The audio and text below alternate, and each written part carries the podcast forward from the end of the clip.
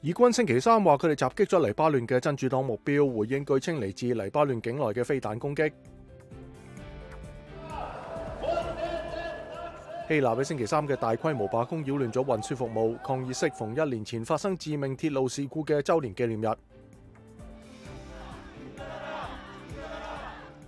南韩医生星期三游行到首尔总统府，抗议将医学院招生名额增加两千名嘅决定。印度恰蒂斯加尔邦中部铁矿业者星期三话，矿场发生山崩，造成四死两伤。